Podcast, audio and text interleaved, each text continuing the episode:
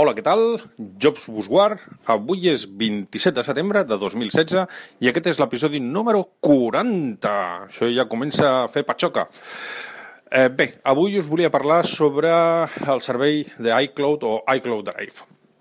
Per parlar exactament del que volia comentar, hem de eh, tirar una miqueta endarrere.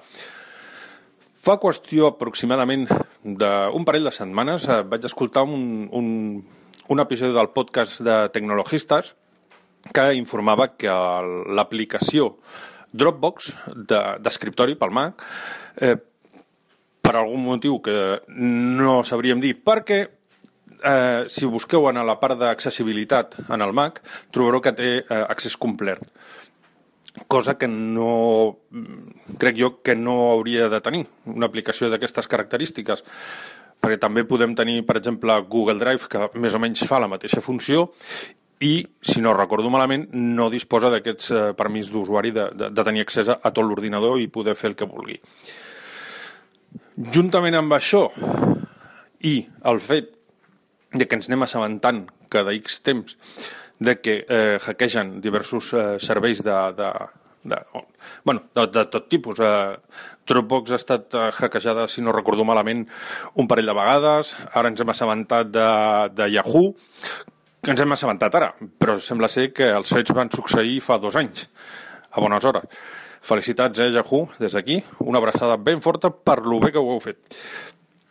Però bé, eh, reprenguem. I eh, arrel d'això, doncs, eh, ja em, em, miro amb uns altres ulls Dropbox. Dropbox és un gran servei, és un servei que utilitzo, a més a més tinc una carpeta compartida amb en Paco, l'altre membre de, de Xosmac, aquell Los Angeles, el Charlie de Los Angeles de Charlie, com ja he dit alguna altra vegada. Doncs allà fiquem coses que tenen a veure, que ens interessen a tots dos i coses que tenen a veure amb, amb el podcast. Perdoneu. Doncs bé, eh, Paco ha sigut més, eh, més dràstic i ja s'ha desinstal·lat l'aplicació de Dropbox de, del Mac. Jo de moment encara no. Sé que ara amb macOS Sierra han solventat eh, entre cometes, eh, bueno, sí, han solventat aquest problema, no té accessibilitat a, a, a tot, però l'aplicació cada vegada si, la reinicia, si reinicies l'ordinador, cada vegada et pregunta doncs, que no té accés a, a la part d'accessibilitat i et demana permís cada vegada, cosa que es fa bastant pesat. Doncs bé, eh, intentant buscar un, un, un servei que més o menys s'assembli, de moment no n'hem trobat cap, però clar, pensant una miqueta, eh, jo, per exemple, a causa que la meva biblioteca de fotos és bastant més o menys bastant extensa, m'ocupen uns 50 gigas, doncs tinc contractat espai extra a, a iCloud Drive. Tinc el de 200. Doncs estic veient que iCloud Drive podria tenir un potencial que no sé si és perquè no volen o encara no s'han donat compte o no saben com implementar-ho, etc. té un potencial iCloud Drive o iCloud, com vulgueu dir-li, que crec que podria mm, funcionar força millor i podria fer, tenir opcions bastant més avançades del que té ara. Fins ara, si utilitzem iCloud Drive en, el, en els dispositius iOS, doncs més o menys ve a ser com una aplicació de, com Dropbox o, o com, com d'altres d'aquest tipus, Mega, etc. Però té certes mancances. A iCloud Drive podem pujar un document, em, podem adjuntar-lo en un correu, però, per exemple, no podem enviar un enllaç d'aquest correu, o sigui, en lloc d'enviar el propi document, doncs és més fàcil, crec jo, no, no més fàcil, sinó és una manera d'optimitzar espai en el, en el, en el nostre mm, correu, doncs enviar només un enllaç, com per exemple succeeix amb, amb Google Drive. Google Drive tenim l'opció de o bé enviar el document sencer o enviar un enllaç perquè la persona qui el rep doncs, mm, se li poden marcar diferents coses, pugui només visualitzar, visualitzar i manipular i suposo que també descarregar.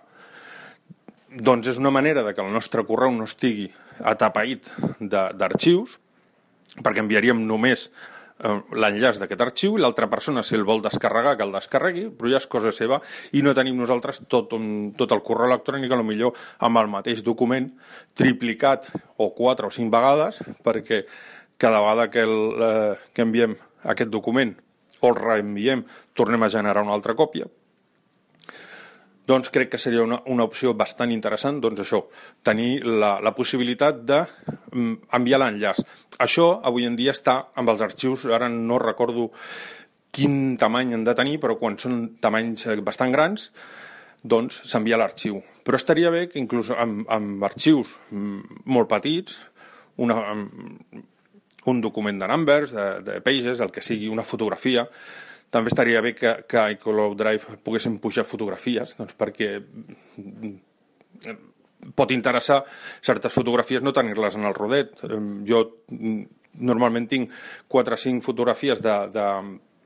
M'agrada tenir l'agenda sempre amb les fotos de, de la, dels contactes i aquests contactes que no puc tenir fotografia, doncs eh, agafo, busco unes fotografies eh, genèriques per poder-les posar en el contacte. Doncs aquestes fotografies genèriques doncs les guardo, en aquest cas a Dropbox, doncs perquè... Eh, o no sé si també tinc la còpia, ho vaig posar a iCloud Drive, no sé. Però estaria bé que aquestes fotografies les poguéssim pujar a iCloud Drive des del mateix iPhone, que això en el Mac podem fer-ho, podem fer una recerca, eh, arrosseguem la fotografia, la posem en l'escriptori i d'allà la, la llancem a, a iCloud Drive i no té més problema. El problema és quan ho fem amb dispositius iOS, doncs que no pots, és impossible pujar una foto, perquè com que la foto quan la deses es deixa en el rodet de fotos, doncs des d'allà no hi ha l'opció de pujar-ho a iCloud Drive. Aquesta seria una altra opció, una opció, vaja. L'altra opció seria compartir carpetes, com també té eh, Dropbox. Mm, de moment, jo he estat mirant i no hi ha manera humana de poder crear una carpeta i dir vull compartir aquesta carpeta amb un grup de persones i que puguin afegir documents, visualitzar-los, editar-los, etc.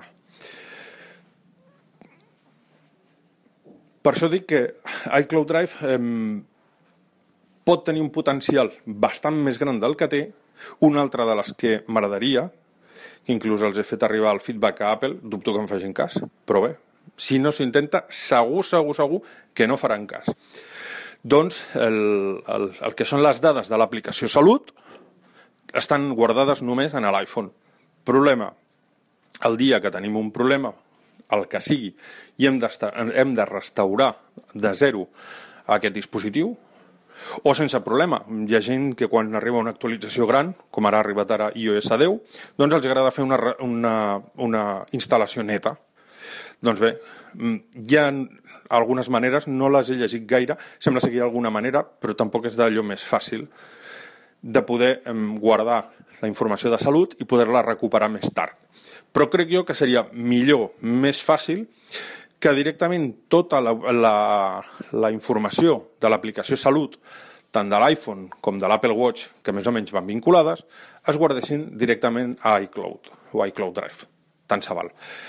D'aquesta manera restauraríem el nostre dispositiu i de la mateixa manera que si ens baixem la suite iWork en el telèfon, o sigui, si, tinguéssim, si tenim la suite d'iWork, restaurem de zero, la tornem a instal·lar, quan obrim l'aplicació ens diu si volem utilitzar iCloud Drive i automàticament baixa les, eh, els arxius en el dispositiu. Doncs exactament el mateix podria succeir amb l'aplicació de Salut. Obrim Salut, ens diu si volem eh, funcionar amb la còpia de iCloud, recuperaríem aquesta informació de manera que aquesta, tota, tota aquesta informació, totes aquestes dades de la nostra salut, que se suposa que per Apple són tan importants, no es perdrien. Que hi ha algunes maneres de poder-ho fer? Sí, però crec jo que seria millor que s'implementés des de la, la pròpia Apple. Suposo que hi ha alguna altra opció que ara mateix eh, se m'ha passat del cap, com em succeeix sempre, però crec que amb aquestes són prou significatives.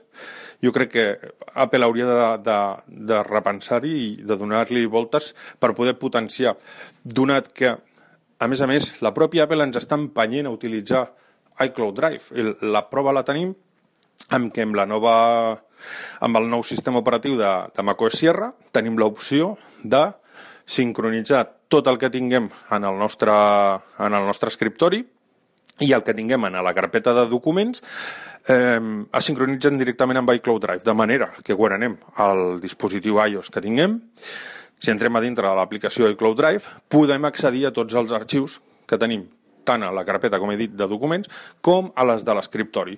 De manera que això, que a vegades ens passa de «ma cago en la mar, et volia ensenyar aquest document o aquesta, aquest arxiu, aquest... però ho tinc en l'ordinador». Doncs això queda, queda salvat. I això no és res més que una altra maniobra d'Apple per empènyer-nos civilinament eh, per eh, comprar espai d'emmagatzematge de, extra. Evidentment, és una opció que es pot deshabilitar, evidentment, com també el, el tema de la sincronització de la, de la biblioteca de fotos. Però no em direu que no és una opció força interessant